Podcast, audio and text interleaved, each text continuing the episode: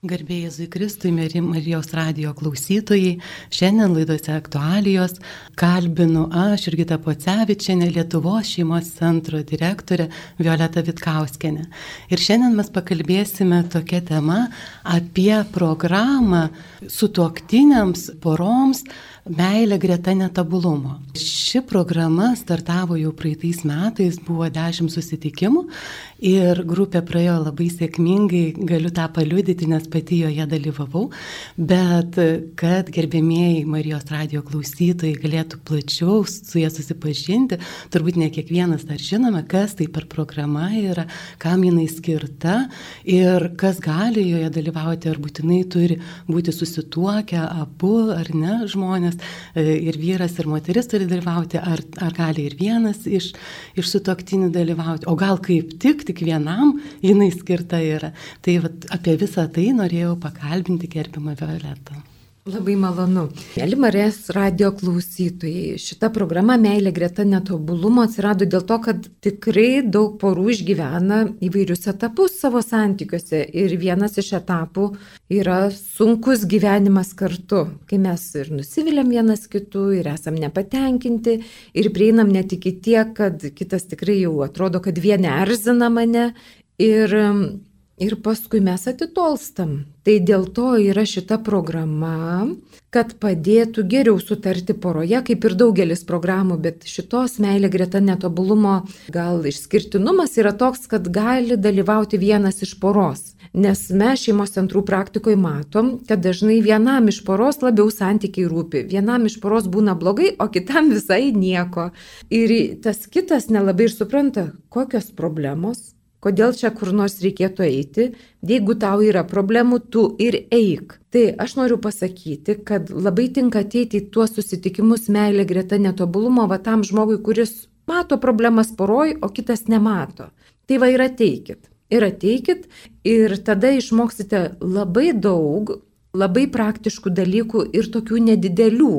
Juos galima padaryti kasdien ir tie santykiai gerėja. Nežinau, gal aš išvardinsiu temas, kokiomis mes vat, bendraujam toj programui ir pasakysiu, kad įvyksta Zoom platformoje, reiškia iš bet kurio Lietuvos kaimo, iš bet kurio pakraščio pasaulio. Lietuvos turbūt taip, ar ne? Taip, taip, galima joje dalyvauti. Negana to būna įrašai susitikimų, tai galima juos perklausyti patogiu laiku arba perklausyti tris kartus, kad suprasti, nes būna vienu momentu vieni dalykai pasirodo svarbus, kitų momentų kiti dalykai svarbesni. Tai kokios tos temos? Susitikimų, dešimt susitikimų, dešimt temų. Viena tema yra pirmoji, ko nenori nei vyrai, nei moteris. Dabar toks metas, kai yra ginčiamės, ar tie vyrai, moterys skirtingi, jų mąstymas skirtingas ar neskirtingas, bet aš pastebėjau, kad e, pasaulio geriausios programos poroms naudoja šituos vyrų ir moterų skirtumus.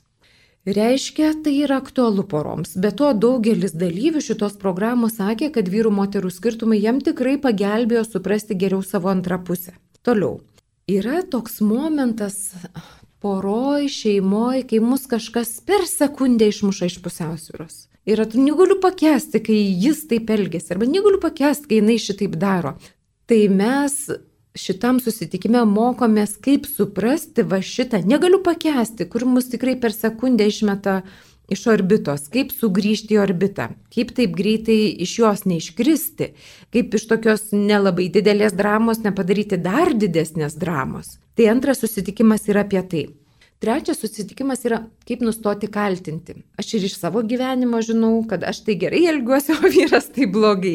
Nu taip, jeigu taip spontaniškai galvojant, tai vis tiek atrodo, kad nu kas kas kaltas. Aišku, kad jis, aišku, kad vaikai. O aš tai labai retai. Bet kai taip atidžiau pasižiūri, kokią naudą duoda tas kaltinimas ir kokią nenaudą, tai vis tik nenauda nusveria. Bet tada iškyla klausimas, tai kaip nustoti kaltinti, kaip, jeigu iš tikrųjų kitas elgesi ne taip, netinkamai, nes iš tikrųjų mes visi kartas nuo karto, o kartais net labai dažnai elgiamės ne taip. Nesvarbu, kad mes einam į bažnyčią, nesvarbu, kad mes rytą vakarą melžiamės, mes vis tiek pasielgiam ne taip.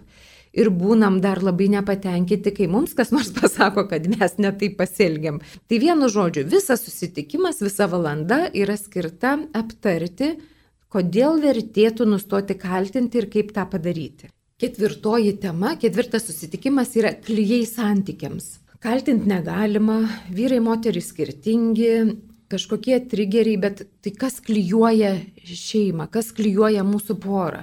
Tai yra keli tokie paprasti labai patarimai apie aukso dulkes, paprastai visiems labai patinka ir net labai e, keista, kad tenka iš naujo tą atrasti. Keli praktiški patarimai ir pasiaiškinimas, kodėl verta. Nu, kodėl verta būti dėkingam šeimoje. Nes kuo toliau, tuo labiau aš suprantu, kad Dažnai mes šeimose nelaikom savaime suprantama, kad svarbu padėkoti vyrui, svarbu padėkoti žmonai už paprastus dalykus.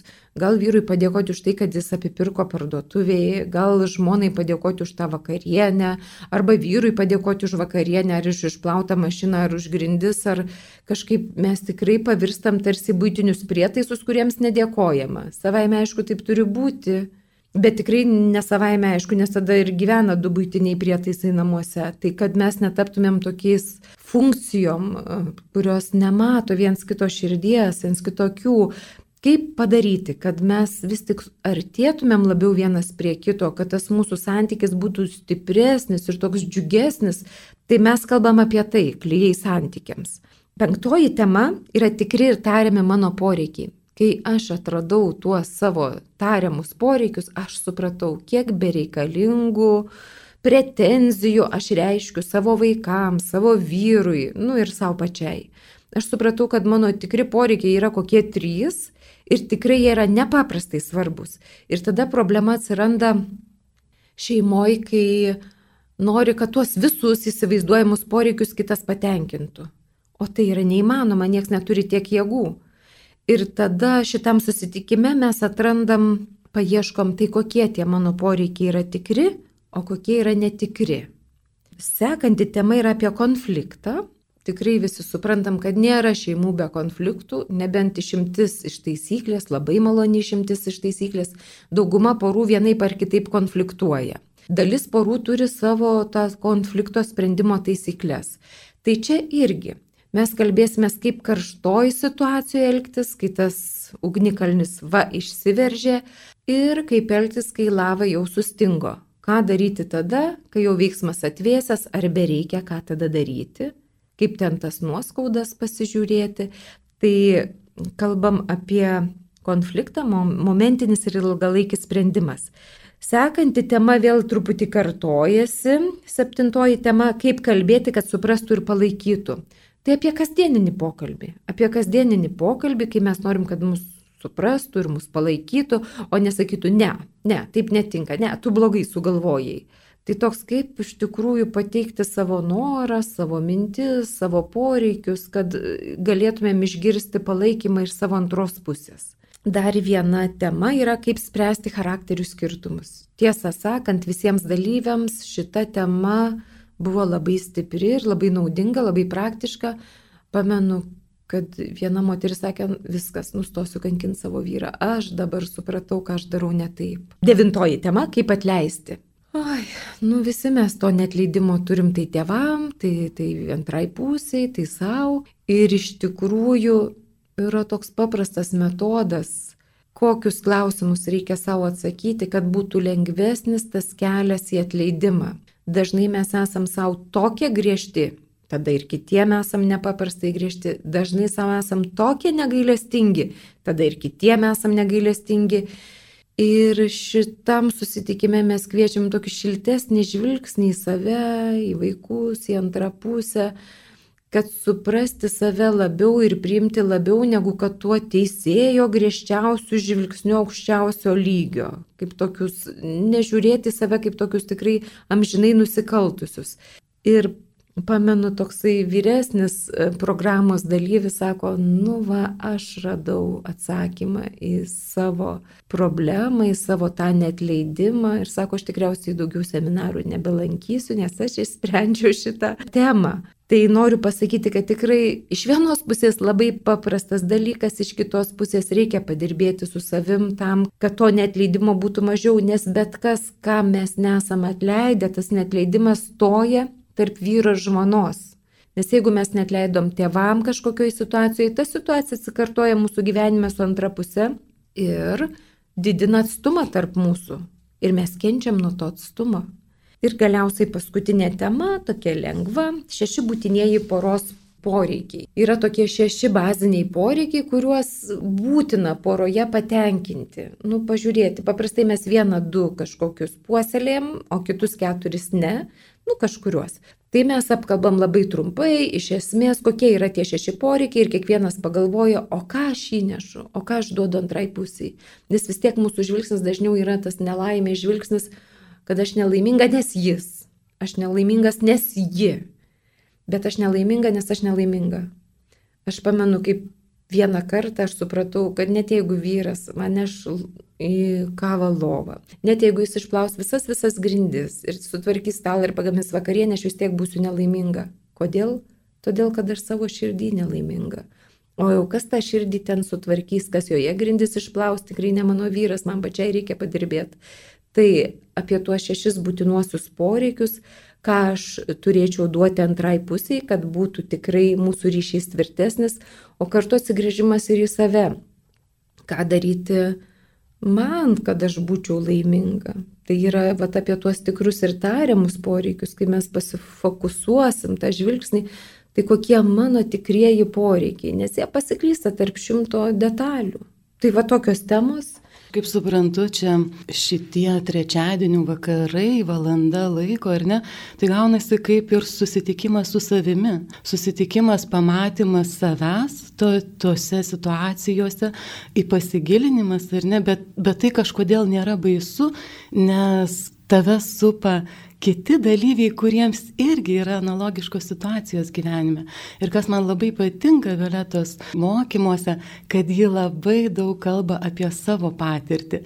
Ir mes juokiamės, kad jos vyras juose visada dalyvauja kartu, nes tikrai yra per tas gyvenimiškas situacijas. Ir tai yra tada labai tikra. Ir gaunasi nebe teorinis ligmuo, kur, na, mes žinom visi, graži teorija, bet praktikoje būna visai. O čia yra grinai per save ar ne pereita. Taip, tie kursai galiausiai gimė dėl to, kad Nu ir mūsų šeimoje buvo tų krizių, vienokių ir kitokių. Ir galiausiai aš patėjau į kursus, kad atsinaujinčiau. Ir kas man buvo labai keista, aš dirbu šeimos centre, dirbu su sužadėtiniais. Jau mano šeimos santykiai tai turėtų būti fantastiniai. O tie santykiai vis blogiau ir blogiau. Galvoju, o stebuklė, kaip šitaip gali būti. Ir tada, kai aš supratau, kad ir man reikia mokytis, kad aš tikrai visko nemoku ir kad aš negaliu būti savo mokytoje. Tai kai tą prisipažinau ir nuėjau keletą kursų, aš tada supratau, ką aš darau ne taip. Ir nors šeimos centro programuose tas pats yra kalbama, bet kai pats tą darai, kažkaip nematai, o išgirsti iš kitų ir pamatai, mm, tai štai kame mano problema. Ir kažkaip tada pajudėjo mūsų poros santykiai labai stipriai ir tada mes abu labai džiaugiamės. Ir aš tada supratau, kaip aš galėčiau kalbėti, ką turėčiau akcentuoti kitiems. Ir man pačiai labai patinka, kad aš žinau, nes aš per tą perėjau, kai kas yra labai sunku, o kai kas nepatikėsit, yra labai lengva padaryti. Ir tik mes nedarom, ar tai mes nežinom, ar nedasigalvom, ar galvom, kad tai nesvarbu.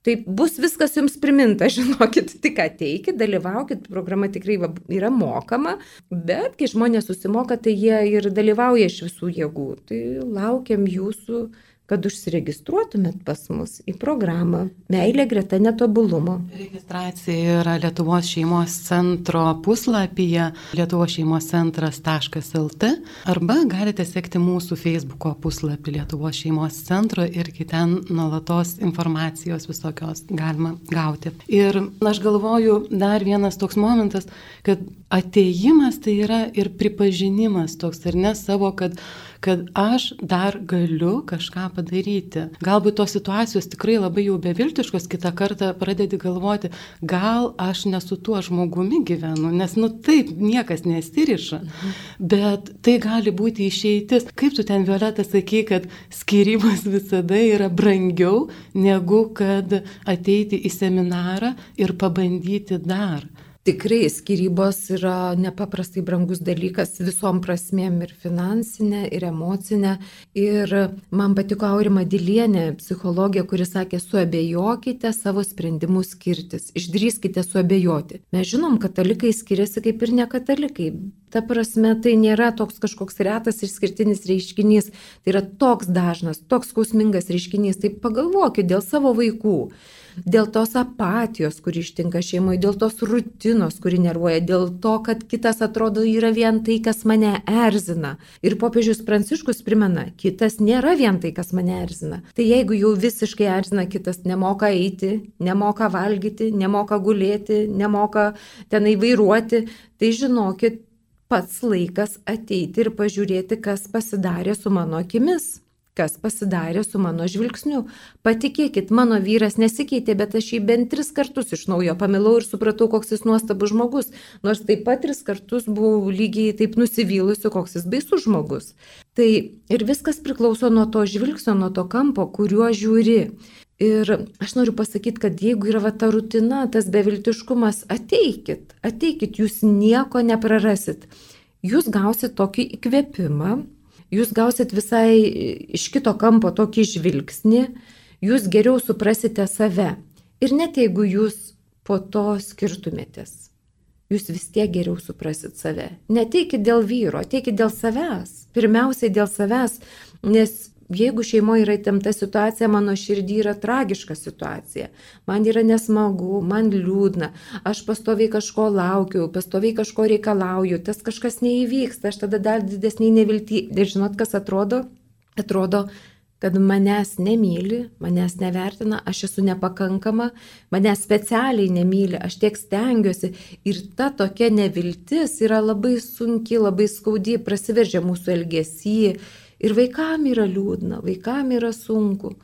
Tai aš kažkaip labai rekomenduočiau vat užšokti į Lietuvo šeimos centro puslapį naujienų skirelį ir paieškoti meilę greta netobulumo.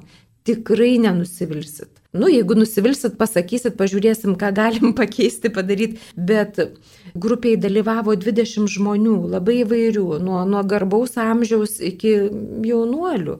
Ir visiems buvo nepaprastai naudinga pamatyti tokiu gal kitų kampų. Nes mes dažniausiai žiūrim, at ką kitas turi padaryti, kad aš būčiau laiminga. Jeigu aš radau antrą pusę, reiškia, man bus lengva. Nieko panašaus. Jeigu aš radau antrą pusę, reiškia, savaime viskas vyksta. Vyksta metus ar du. Nu gal tris, kam pasisekė. Paskui savaime tik blogiau. Ir negali suprasti, tai ką aš nesu tuo žmogum gyvenu, kas čia darosi, iš tikrųjų su tuo gyvenu bet reikia bręsti, reikia aukti ir nebūtinai tas brendimas yra tokia kankinystė ir vargas ir bėda, toli gražu. Kartais reikia tik žinoti, ką daryti ir Arba ko ko nedaryti. Taip. Ir kai tu supranti, ką daryti, ko nedaryti, arba ką reiškia toks vyro elgesys, arba ką reiškia toks moters elgesys, gali pradėti kvepuoti laisviau. Tu pamatai, kas vyksta šeimoje, gali vardus pasakyti, ai, čia mūsų vyrų moterų skirtumai, va, tai čia jis mane myli, tik tai va išraiška va tokia, arba jinai, arba, ai, aš vėl kaltinu ir vėl neturiu jėgų, reiškia, reikia kažkaip kitaip. Ir mes duodam įrankius kaip. Žinokit, tikrai aš labai džiaugčiausi, jeigu jūs ateitumėt ar pakviestumėt artimuosius, ar paragintumėt, ar padrasintumėt, nes Nu, šeimose nėra tų, šeima nerojus, pasaulis nerojus, tobulų žmonių nėra ir tobulų šeimų nėra. Ir popiežius savo dokumente Moris Leticija, kai kalba, jis irgi kalba apie tas normalias šeimos situacijas, pradedant neštumu, kad tai ir palaiminta ir sunki būklė, baigiant apie šeimos situacijas. Mane nepaprastai sužavėjo jo tas apaštališkasis paraginimas Amoris Letisė, kuris sako, kad kitas nėra vien tai, kas mane erzina. Jisai sako, meiliai reikia dovanojamo laiko. Jisai sako, reikalinga švelnumo revoliucija. Jisai sako, nežiūrėkite vienas į kitą inkviziciniu žvilgsniu. Bet žinot, kai yra krizė, tai tik tą žvilgsnį ir pasitelki, nes nebeturi jėgų, neturi įkvėpimo, neturi resursų. O žinot, Šitoj programoje jūs galite dalyvauti iš bet kurios Lietuvos vat, kampelio, iš bet kurio miestelio. Jūs galite perklausyti įrašą bet kada, kada jums patogu. Ir gauti įkvėpimo, vardant vaikų galų gale. Keisti tą inkvizicinį žvilgsnį į tyrėjo archeologo žvilgsnį, ar ne? Taip, taip. Čia toks vienas iš paprastų įrankių, apie kuriuos mes kalbam programai, tai yra, kad mes šeimoje turėtume būti daugiau tokiais archeologais, kad patyrinėti vienas kitą, pažiūrėti, kas yra už to kažkokio labai stipraus elgesio, nes dažnai mus išgazdina, išgazdina emocijų pliūpsniai, tiek vyrus išgazdina moterų emocijų pliūpsniai, ašaros, isterijos. Tiek moteris išgasina vyrų riksmai ir, ir, ir, ir isterijos. Tai kaip nesustoti ties tuo išgaščiu? Kaip pažiūrėti giliau, kas po to ir kaip nepadidinti tos isterijos? Tai yra, yra tų įrankių ir tikrai galima jais pasinaudoti. Tai kaip supratau, samoningumas ir įrankiai didina mūsų pačių galę, ar ne? Tai mėly Marijos radio klausytojai, jūs klausotės laidos aktualijos ir šiandien aš Jurgita Pocevičiane kalbinu Lietuvos šeimos centro direktorę Violetą Vitkauskenę. Ir mes kalbame apie programą, kurios autorė ir yra gerbiama Violeta, tai meilė greta netobulumo. Ir šitas pavadinimas irgi yra neatsitiktinis, ar ne? Nes kiekviename netobulume mes vis tik tais galime rasti dar meilės ir, ir iš pradžių galbūt kruopelę, o jeigu tai yra kruopelė, tai kaip garstyčios grūdas jisai gali užaukti į nuostabų medį. Tai šie žodžiai yra vėlgi iš popiežiaus apaštališkojo paraginimo Amoris Leticija, kurį mes irgi raginame labai skaityti šeimoms, poroms ir, ir nagrinėtis ir tiesiog man Violeta cituoja mintinai žodžius, kurie tikrai kaip perlai yra kur, ir kur gali kasdienybėje juos prisiminti. Ir irgi tai yra kaip vilties kažkoks tai kruopelė, kur gali įsitverti vilties ženklas, nes kai aš perskaičiau popiežiaus tą žodį, kad meilė gyvuoja greta netobulumo nebegalėjau nuo tų žodžių atsitraukti, nes tikrai meilės reikia ten, kur yra netobulumas, o šeimoje tie netobulumai matosi, nes mes esame visada šalia, visada labai skirtingi vaikai, tėvai, vyrai, moterys, dar jeigu seneliai, tai toks chaosas. Ir kaip tam chaose, tarp visokių skirtingų poreikių, skirtingų norų, kaip tenai mylėti. Ir popiežius sako, kad meilė gyvuoja greta netobulumo. Negana to, popiežius sako, kad kiekvienas mes esame sudėtingas šviesos ir šešėlių derinys. Ir kai pagalvoju, tai tikrai ir tada nebebaisu, tada nebereikia ginti savęs, aš geras, aš geras. Nebėra vien juoda ar balta. Taip, ne? Mm. Taip, ir tada gali atsipalaiduoti, kai supranti, kad ir aš čia suklystu, va ir jis čia suklysta, ir vaikai suklysta. Nu ir tada tikrai supranti, kad aš nenoriu, kad ant manęs rėktų, ir tada gal ant kito tada susivaldau, nereikiu, kai suklysta, pagalvoju, ko aš norėčiau. Nes aš pasakysiu, vieną kartą aš suklydau, kaip reikiant. Dukra pradėjo rėkti ant manęs, taip rėkti kaip aš kartais. Ir aš tada kažkaip sugavau save ir sakau savo, Violeta, tylėk ir klausykis nes tu irgi rėki ant jos, nu aš tyliu ir klausausi ir kažkaip nesibaigia tas rėkimas, kaip ir man kartais būna. Ir aš po to pasijutau tokioj nevilty, tai man bent keliem mėnesiam užteko to jausmo, kad suprasti, kokioj nevilty būna vaikas, kai jo mamytė išsilieja taip nuoširdžiai. Aš supratau, nu, nieko gero, absoliučiai nieko gero, nors klaida buvo padaryta ir ten ar visi vėluoja, ar dar kažkas yra, ar ten, nu, kažko nespėjai.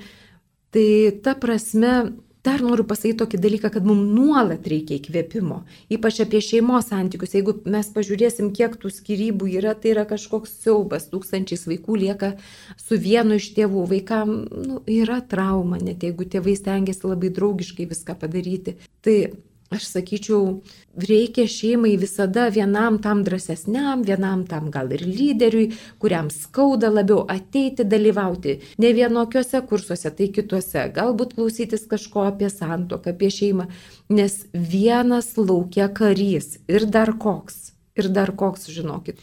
Bet galbūt vienas laukia karys, ne karys, būna, kai esi užsidaręs vienas pats, ar ne, ir, ir niekur neini.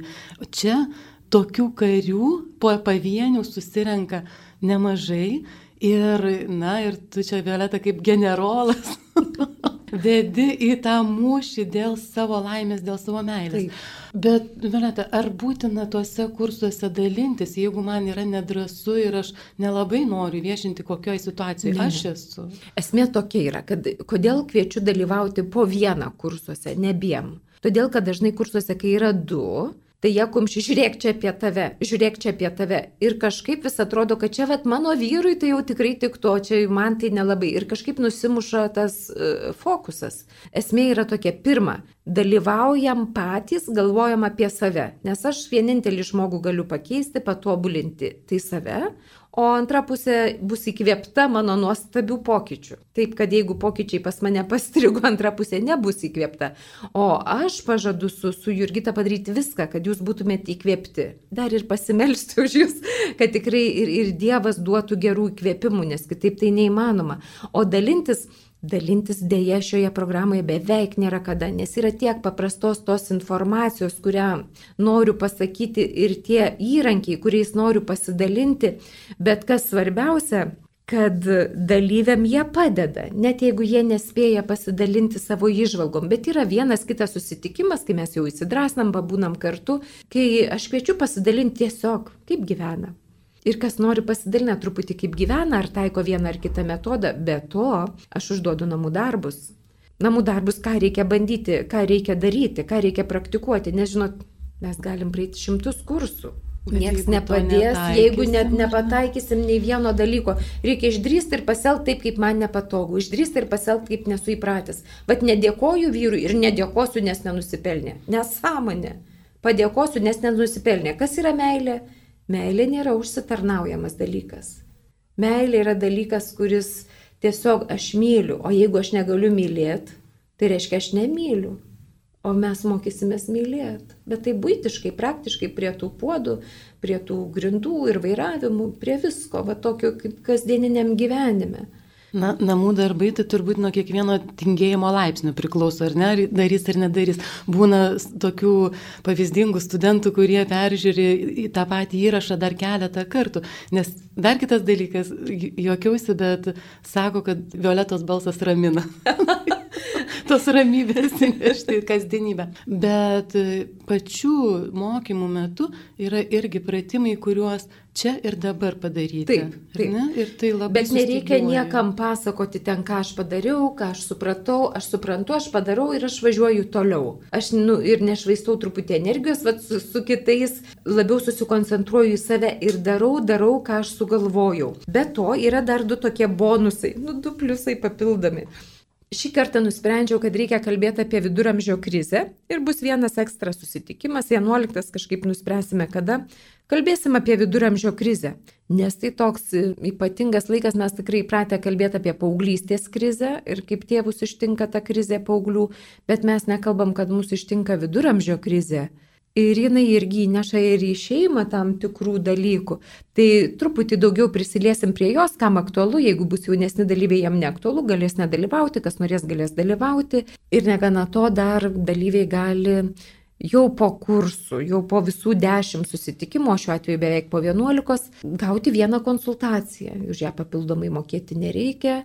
Ir jeigu nori, galim pasikalbėti apie tą šeimos situaciją ar juos neraminančią situaciją. Po pirmo tos serijos seminarų gal su trimis žmonėmis kalbėjomės ir tikrai visi pajudėjo iš to mirties taško, iš esamo taško ir visi gavo tam tikrų atsakymų, kaip dar vieną žingsnelį paeiti į priekį. Ir tas tikrai labai džiugina, nes, nu, nebereikia taip kankintis, nors mes krikščionys suprantam, kad auka yra reikalinga, bet ne visada jos turi būti tiek daug. Ir tas žingsnelis labai svarbu, kad eitų į tą pusę, reikalingai, o ne kažkur iš šona ar kaip tik nuo kitos pusės ir, ir tiesiog dar didina atstumą ir nesvarbu, kur link žingsnelis yra žengiamas. Su pagalba galima tiesiog ir, ir irgi na, pajudėti. Čia kaip šokį, čia iš tiesų yra kaip šokyje, Nes jeigu moki šokti, kažkada Jurgita tavo pačios pasakyta mintis, nu, jeigu supranti, kokie tie valso žingsneliai, tai sušoksi, o jeigu nežinai, tai tada strapalioji. Tai tai būna, kad ir poroj mes iš pradžių yra truputį lengviau, arba būna etapai, kai būna lengviau, bet būna etapai, kai būna sunkiau, sunku ir nepaprastai sunku. Tai ir man kas patinka, kad popiežius Pranciškus nesako, štai jūs ištiko krizė todėl, kad jūs nemokėjote štai jūs ištiko krizė todėl, kad jūs nepakankamai geri, nepakankamai meldėtės. Ne. Popiežius Pranciškus sako, krizė yra dramatiško šeimos grožio dalis, nu natūrali dalis.